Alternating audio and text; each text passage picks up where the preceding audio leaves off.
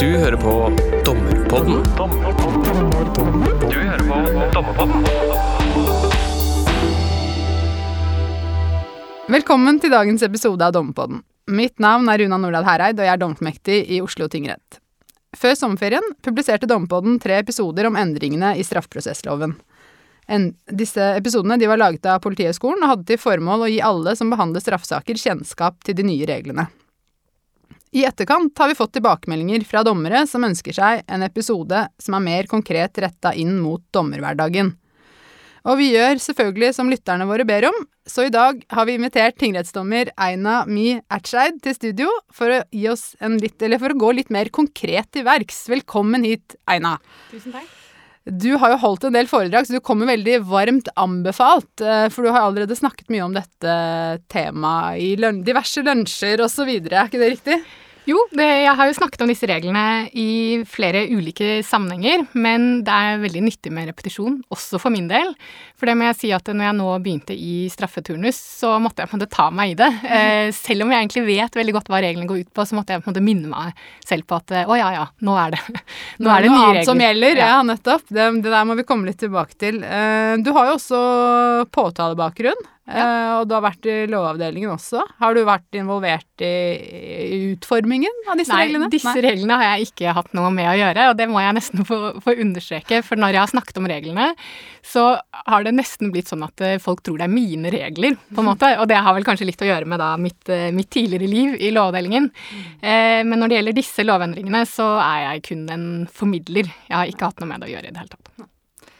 Nettopp. Og sånn som vi hadde tenkt, da, for du som hører på eh, Vi tenkte faktisk å gå litt sånn rett inn i hverdagen til dommere og dra oss gjennom gangen i straffesaken. Altså vi starter på en måte litt sånn fra saksforberedelsen, og så fortsetter vi. Og så går vi innom lovendringene der hvor de eh, ja, der de får betydning, og hvordan de får betydning på de ulike stadiene. Eh, det er i hvert fall det vi har tenkt. Men, men før vi starter med det, så kan vi bare kanskje helt eh, kort og overordnet eh, si noe om hva disse lovendringene gjelder. Det er ikke sikkert alle har hørt på de for- forrige tre episodene, men alle har kanskje fått med seg at det mye handler om aktiv saksstyring. Ja, og det er jo på en måte hovedtema i den pakken som ble vedtatt eh, i fjor, og som trådte i kraft 1. juli i år. Men det er også viktig å være oppmerksom på at det er andre temaer i den lovendringspakken, som til dels da følger opp eh, forslag fra straffeprosesslovutvalget. Eh, og jeg tenkte jeg bare skulle si helt kort hva endringene totalt sett går ut på. Eh, og det er, man kan si at det gjelder syv hovedtemaer. Eh, og det første, det er eh, diverse endringer som gjelder påtalemyndighetens virksomhet. F.eks. om påtalekompetanse og interne forhold i påtalemyndigheten. Og det berører jo ikke oss, eh, eller domstolene, da sånn direkte i veldig stor grad, men vi vil nok merke endringer i reglene, bl.a. fordi at eh, veldig mange flere påtaleavgjørelser vil, ta, eh, vil fattes av politiet. Eh, og det vil også være flere aktorater da, som, eh, som politiet har sammenlignet med tidligere. Så det er en- eh, det er en endring. Og så er det jo denne store pakken på en måte med, med regler om aktiv saksstyring, som er det vi skal snakke om i dag. Eh, og så eh, er det også endringer i regler om bistandsadvokatordningen. Eh, det er innført en mulighet for å pålegge felles bistandsadvokat. Man har senket terskelen for å oppnevne koordinerende bistandsadvokat, og man har innført en mulighet for å begrense bistandsadvokatens oppdrag. Og det, det er egentlig et eh, sånn eh, tema som jeg tenker kan være godt egnet til en egen episode i, i Dommerpodden etter hvert. Det var jo også noe med at man kunne sette bort Altså man kan bestemme at f.eks. aktor skal overta bistandsadvokatens rolle og Ja, ikke bistandsadvokatens Nei. rolle, men det har litt sammenheng med det som på en måte er eh, tema fire da, i de lovendringene. Og det er at det er gjort noen endringer i reglene om sivile krav. Nettopp. Eh, dels om på en måte, forberedelsen av de kravene som fremmes av påtalemyndigheten. Men man har også gjort noen endringer som gjør det mulig da, å bestemme at noen andre f.eks. skal prosedere kravet. Men man vil jo ikke på en måte overta bistandsadvokatens rolle. Nei, nettopp. Ehm, Så det var på en måte den fjerde, det fjerde temaet. Eh, Det femte temaet er at det er en utvidet adgang til tilståelsespådømmelse. Man har innført en, en, en ny kategori for hvilke saker som kan pådømmes. Eh, Og det var, var bare for, for å ta det kjapt var, det, var, det er jo litt sånn tilsvarende ruskjøring og kjøring Ja. uten gyldig førerkort, at du bare krever skylderkjennelse, så jeg. Ja. Men hvilke saksområder er det det er utvidet for å gjelde, da? Ja, det gjelder, de, eh, det gjelder forhold hvor, som isolert sett bare ville medført eh, bot, og hvor strafferammen er under fengsel i to år. Og da vil det være tilstrekkelig med en skylderkjennelse, og at, eh, og at den støttes av andre opplysninger i saken. Så det er ikke nødvendig med da en uforbeholden tilståelse. Nettopp. Nei, Så man har på en måte fire, fire grupper, da. Mm, nettopp. Så er det eh, den sjette, det sjette temaet, det tror jeg nok mange har eh, merket allerede, for det gjelder fremstillingsfristen for eh, varetektsfengsling. Ja. Eh, og der er det jo nå lovfestet en 48-timersregel for voksne. Det har jo på en måte vært praktisert eh, lenge, men nå er, nå er det lovfestet. Og så har man også fjernet eh, unntaket, eller forlengelsen, da, for helligdager for de under eh, 18 år. Så der er det alltid dagen etter. Mm. Eh, så det betyr jo at domstolene må ha en fengslingsberedskap hver eh, dag, og det er det vel, eh, det er det vel flere som har merket allerede, da. Mm, det tror jeg alle har fått merke. Men det gjelder ikke PU-sakene? Det Det gjelder ikke PU-sakene, for det er, der er fristen regulert direkte i utlendingsloven. Nettopp. Mm. Eh, og det siste temaet, det gjelder reglene om anke og ankebehandling. Litt forskjellige endringer der. Nettopp. Og i dag så er eh, tema regelendringene om aktiv saksstyring. Og Aina, hva, hva er det lovgiver vil? Altså hvor, hva er formålet med denne pakken her? Ja, Hvis man skal oppsummere det litt sånn eh, slagordmessig, så, så er det at dommerne må tidligere og tydeligere på banen. Eh, og i forarbeidene så er det sagt at man ønsker da å legge til rette for en kulturendring, hvor man legger større vekt på saksforberedelse og aktiv dommerstyring også ved behandling av straffesaker. For dette var jo også formål eh, da man innførte tvisteloven i sin tid. Man eh, ønsket å legge større vekt på aktiv saksforberedelse i sivile saker.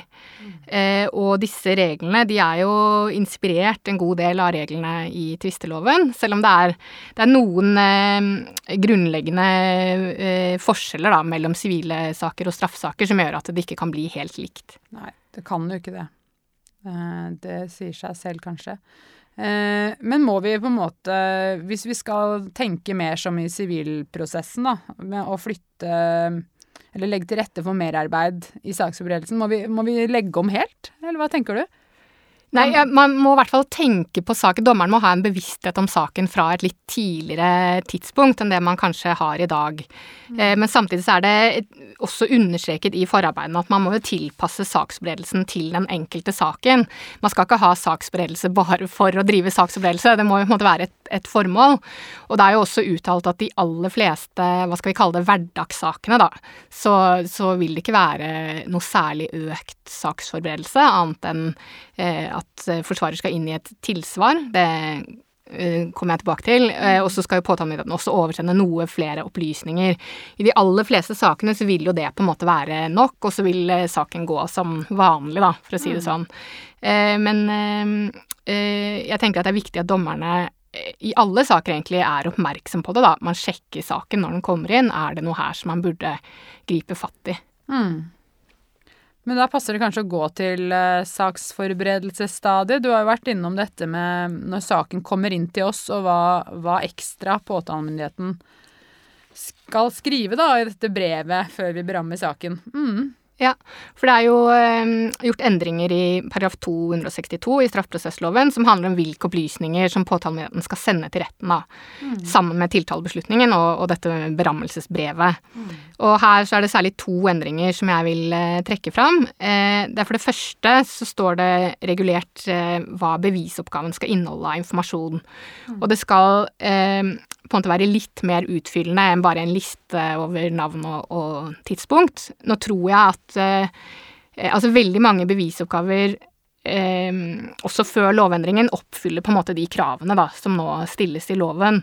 For tanken er at det skal gis en litt mer sånn stikkordsmessig eh, forklaring på hva disse Altså en tilknytning på en måte til saken. Eh, Det er ikke meningen at det skal gis en så lang redegjørelse, men man kan plassere vitne, f.eks. et åstedsvitne, politibetjent på stedet. Det står jo gjerne sånne margopplysninger på en måte i bevisoppgaven. Post 2. Eh, ja, ikke sant. Eh, og, og så er det også fint med opplysninger om relasjonen til andre involverte, f.eks. tiltaltes bror, ikke sant, fornærmedes venninne. Eh, og, og i enkelte tilfeller så vil jo det også ha betydning for prosessuelle spørsmål, ikke sant, om de har forklaringsplikt eh, eller lignende.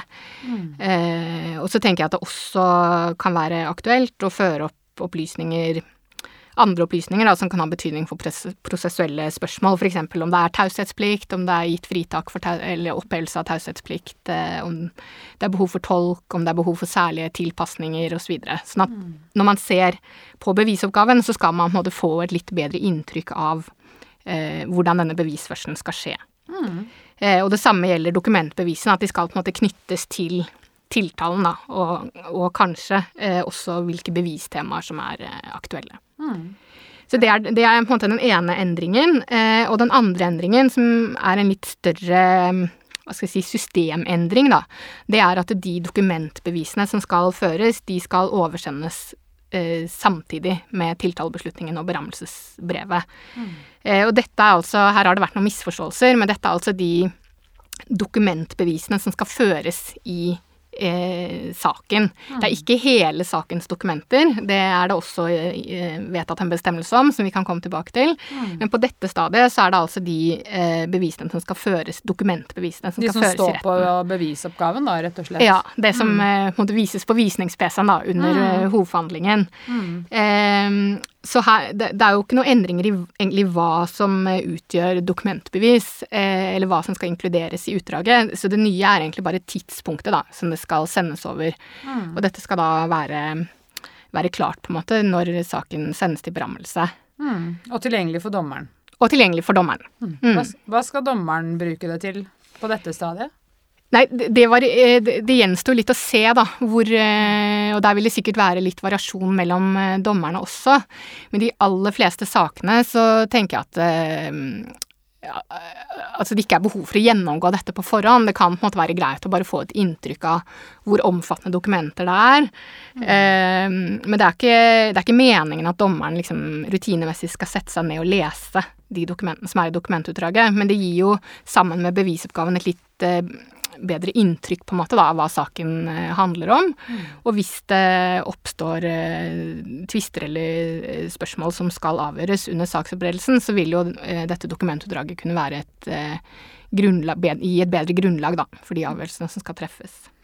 Blir de også gjort tilgjengelig for meddommerne? For de kan jo nå De får jo tilgang til bevisoppgaven og tiltalen gjennom Aktørportalen, gjør det ikke det? Ja, her har det jo på en måte vært en diskusjon da om, om hva meddommerne skal få tilgang til, og fra, på hvilket tidspunkt. Mm. Og sånn som de retningslinjene er nå, så skal de få tilgang til tiltale og bevisoppgave 14 dager før eh, hovedforhandlingen.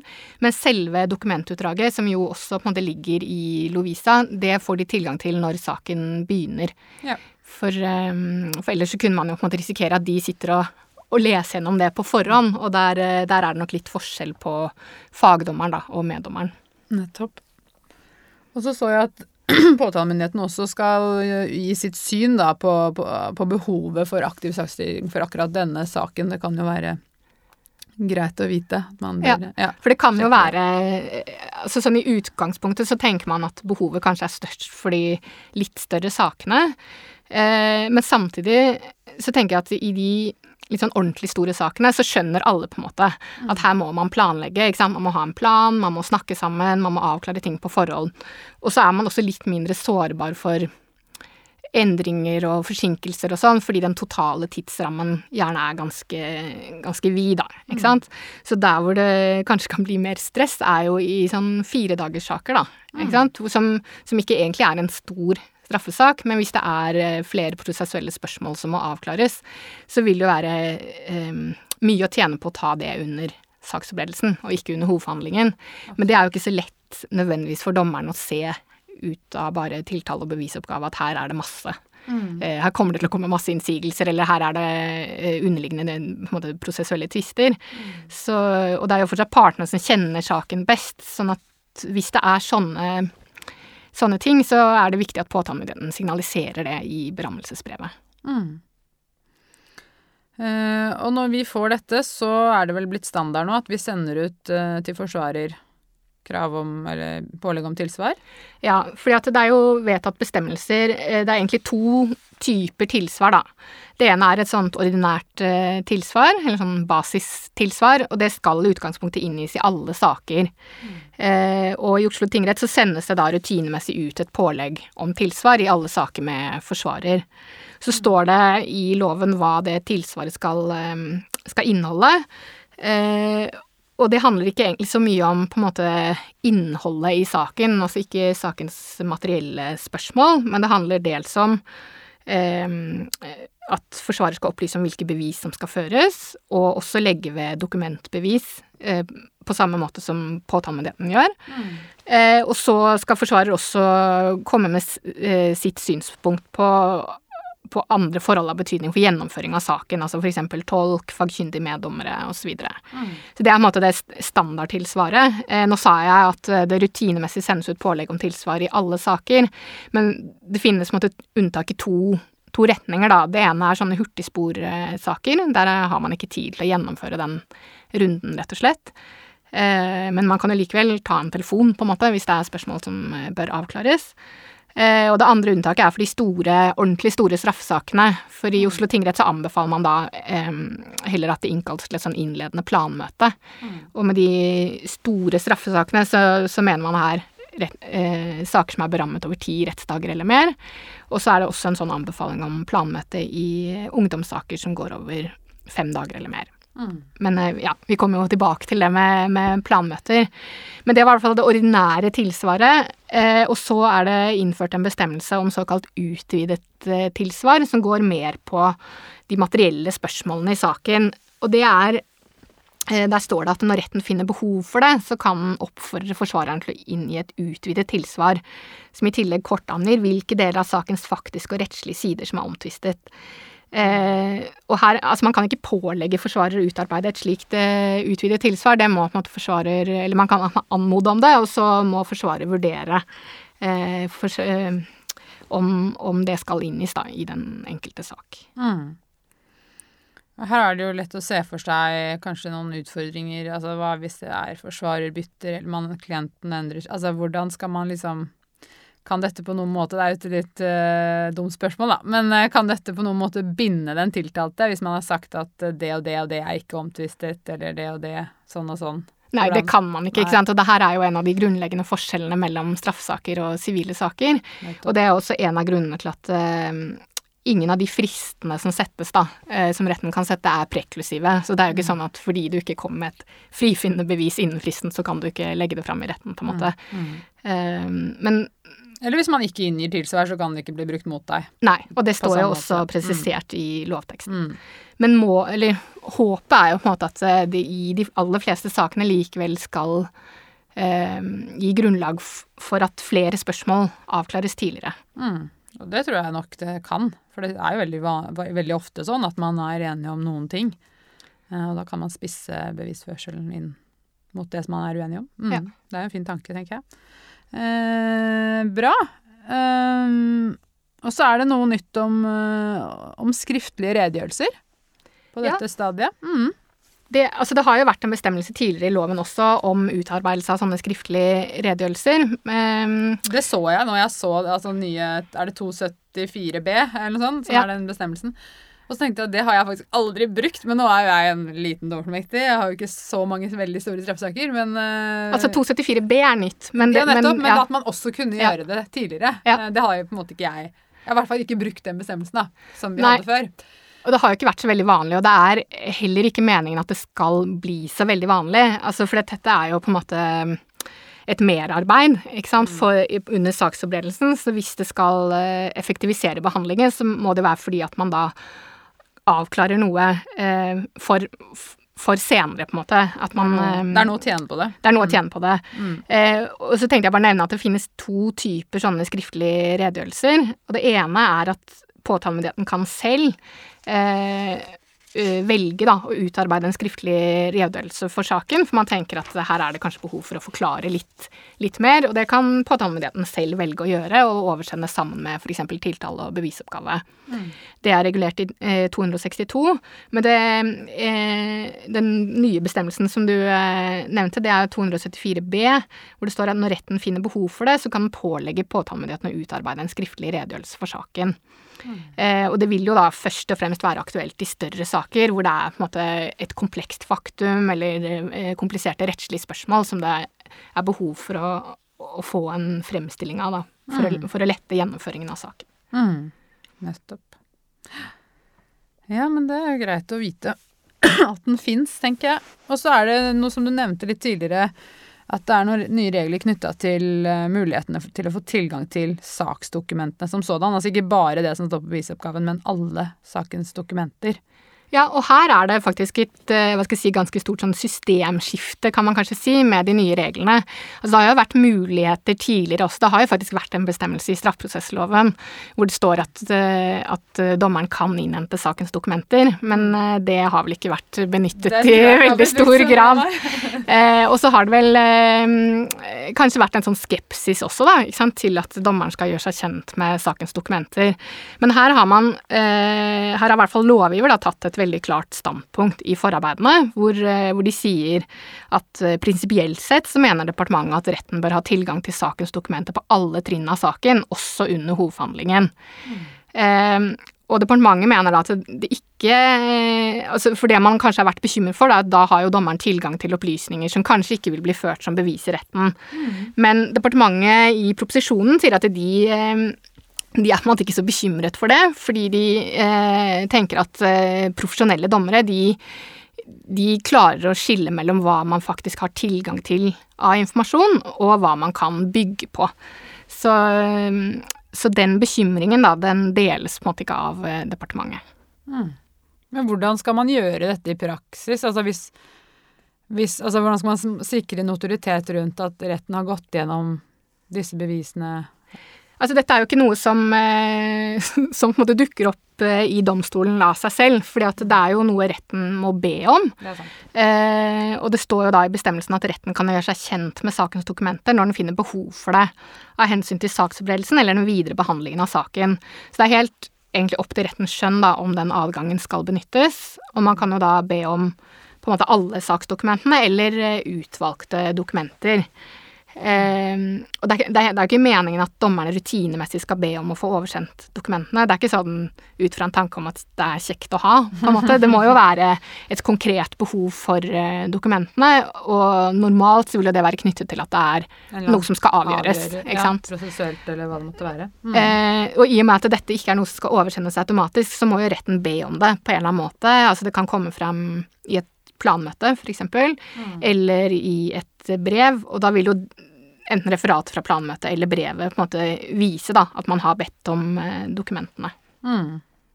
Og hvis man da har innhentet dokumentene, man har kanskje tatt en avgjørelse da, under saksforberedelsen, um, skrift, ja, kanskje skriftlig eller, eller med muntlig høring, er det da lagt opp til at man rutinemessig skal bytte fagdommer? Eller er det, er eller er ikke det gitt at man trenger å gjøre det?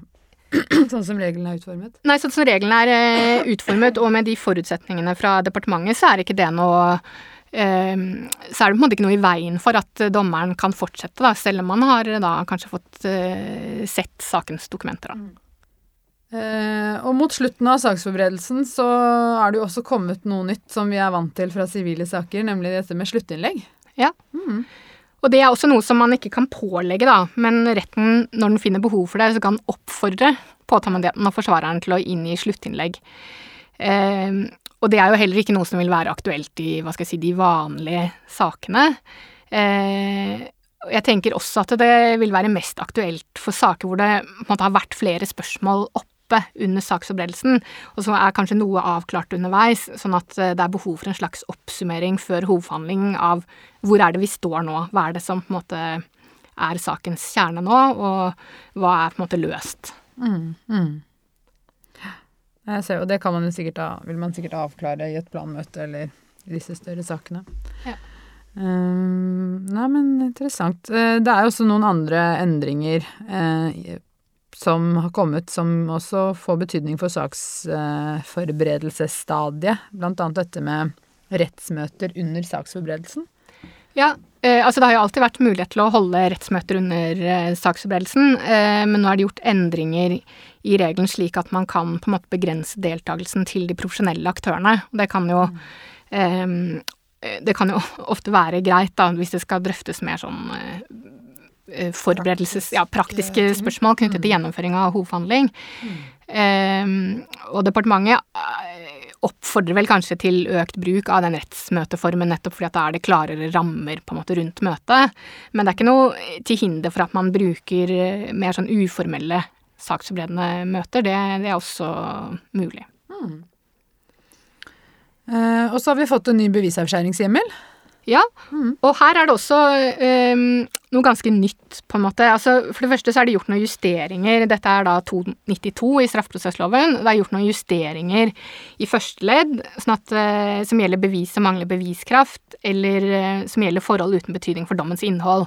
Det er på en måte uh, regler som vi kanskje har hørt, hørt, om før. De er en videreføring, men en liten justering av det som sto der før. Men det som er, er nytt, det er da 292 annet ledd første punktum, hvor det er innført en ny bevisavskjæringshjemmel. Eh, hvor man legger opp til en mulighet for bevisavskjæring ut fra en forholdsmessighetsbetraktning.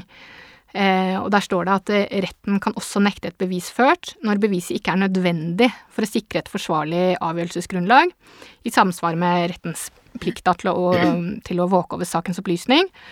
Og dets bidrag, altså bevisets bidrag til sakens opplysning, ikke står i et rimelig forhold til hensyn til effektiv saksavvikling. Så her må det gjøres en, en avveining eh, hvor eh, det sentrale vurderingstemaet er om beviset står i et rimelig forhold til eh, bl.a. sakens betydning og, og, alvorlighet. Og så er det viktig, syns jeg, da, å understreke at eh, at selv om et bevis kanskje sånn rent objektivt sett ikke er så viktig, så kan det være veldig viktig å få For ført tiltalte. for tiltalte, Ja. eksempel, eller for andre. Ja. Eh, og det, det sier man også i forarbeidene, at det er jo rom for å legge vekt på det i, i den forholdsmessighetsvurderingen. At, eh, at det kan være viktig for at prosessen skal oppleves som rettferdig, at beviset faktisk føres. Mm. Eh, Ja, jeg tenkte det når jeg leste den Altså det å avskjære ut fra liksom forholdsmessighetsbetraktninger. Altså at det kan være litt vanskelig kanskje da i straffesakene. Eller i hvert fall, i hvert fall vanskeligere enn i sivile saker. Nettopp av hensyn til ja, prosessen skal oppleves rettferdig, som du sier.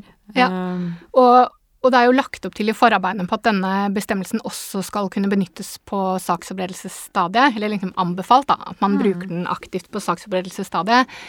Det er jeg litt spent på om kommer til å skje, fordi jeg tenker at det er mange som vil tenke at det er litt vanskelig å avgjøre på det tidspunktet, når man har jo ikke hørt de andre bevisene. Eh, men man kan jo kanskje ha noen sånn klare tilfeller da, hvor det er varslet ti vitner som i utgangspunktet skal forklare seg om det samme. Kanskje det er nok med bare ett vitne. Ehm, og så må man jo også vurdere eh, Det tar jo tid ikke sant, å gjennomføre en sånn runde med bevisavskjæring, for alle skal uttale seg, og så må man skrive en kjennelse. Ehm, sånn at noen ganger så, så, så kan det jo kanskje være like greit å bare førevitne. Og så, og som jeg sa tidligere, så må man også tenke på hvordan en sånn prosess vil fremtre da, for partene. Særlig hvis man har eh, truffet den avgjørelsen før hovedforhandlingen begynner. Så kan jo de involverte få følelsen av at her har jo dommeren allerede måtte bestemt seg for at eh, det, det jeg vil si, det er ikke viktig. Så det er jo en sånn avveining man må gjøre hele tiden, da, tenker jeg. Og det høres ut som det på saksforberedelsesstadiet bør være at man bør være litt forsiktig med å bruke det, kanskje. I hvert fall, i hvert fall må det være kanskje litt sånn åpenbart, veldig åpenbart, da. Eh, tror jeg, hvis jeg skulle vært komfortabel med det. Eh, når man ikke kjenner saken så godt og må være ja, Ja, foreslått, det- foreslått noen helt eh, sinnssyke mengder med dokumentbevis, eller altså et eller annet sånn som skiller seg litt ut, da, eh, fra de vanlige sakene, kanskje. Men eh, Nei, vi får se. Det er jo spennende. Og så, som du sier, det er jo den i første ledd, så er det jo ganske likt, bortsett fra at man kanskje har tenkt at man senker terskelen Man senker noe, terskelen litt, fordi ja. åpenbart er blitt borte. Ja. Ordet åpenbart, at det ikke har åpenbart eh, ikke har beviskraft. Det er det de bruker, det er ikke bevisverdi, men beviskraft. Eh, bra. Eh, men da, da har vi kommet ganske langt, så vi, vi går til hovedforhandlingen. Eller hovedforhandlingen nærmer seg.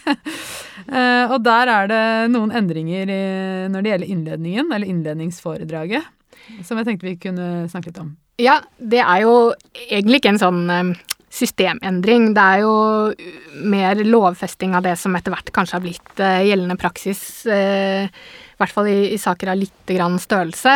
Uh, og der er det tatt inn for det første at dokumentasjon da kan skje under innledningsforedraget når det bidrar til sakens opplysning og er forsvarlig. Mm. Og i en del tilfeller det trenger jo ikke være så veldig kompliserte saker heller, men i en del tilfeller så kan det være greit å få presentert noen grunnleggende opplysninger, på en måte. F.eks. et kart over en leilighet eller et område.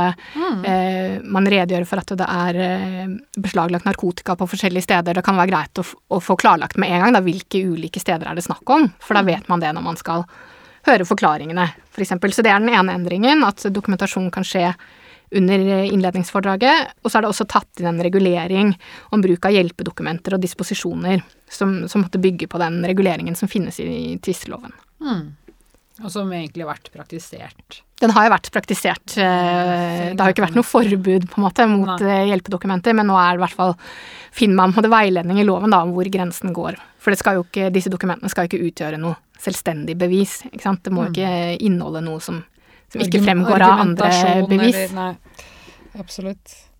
Uh, og mer Altså det med at man får inn dette, uh, lovfeste dette med bevisføring under innledningsforedraget, tenker jeg er fint. Det er jo, som du sier, ganske ofte det er ganske praktisk å få litt mer informasjon, uh, som er ubestridt kanskje også, da, tidlig. Sånn at vi, når vi går løs på forklaringene, så har vi et bedre grunnlag for å stille spørsmål. Mm. Ja, og så tenker jeg at kanskje også særlig av hensyn til meddommerne, da. Fordi at mm. fagdommeren har jo kanskje hørt eh, disse type sakene mange ganger før. ikke sant? Man har hatt saker om, eh, om eh, sånn dagpenger eller narkotikaoppbevaring, mm. og klarer å plassere de opplysningene som aktor gir, ikke sant, i en mm. sammenheng. Men for meddommerne så kan det kanskje være av ekstra stor verdi da, å få sett eh, noen dokumenter. Mm, absolutt. Um, og så har man noe som heter, eller ofte blir kalt forklaringsutdrag, som er nytt. Ja, altså det står jo ikke i loven, egentlig, eh, dette med forklaringsutdrag. Eh, det som er lovens eh, litt sånn eh, veldig tekniske løsning, er jo at det står at regelen i paragraf 274 a, altså om rettens tilgang til sakens dokumenter, gjelder da tilsvarende under hovedforhandlingen. Mm. Sånn at eh, Og som jeg sa i sted, så, så mener jo departementet som prinsipielt sett at det ikke er noe i veien for at retten har tilgang til selve saksdokumentene på egentlig alle stadier av saken.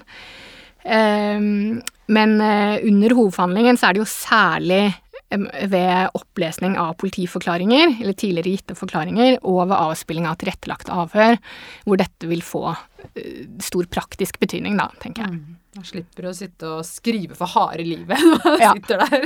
så, så, med en gang det er snakk om å måte, lese opp eh, litt lengre passasjer fra politiforklaringer eller avspilling av tilrettelagte avhør, så kan retten da be om å få, få eh, dokumentene.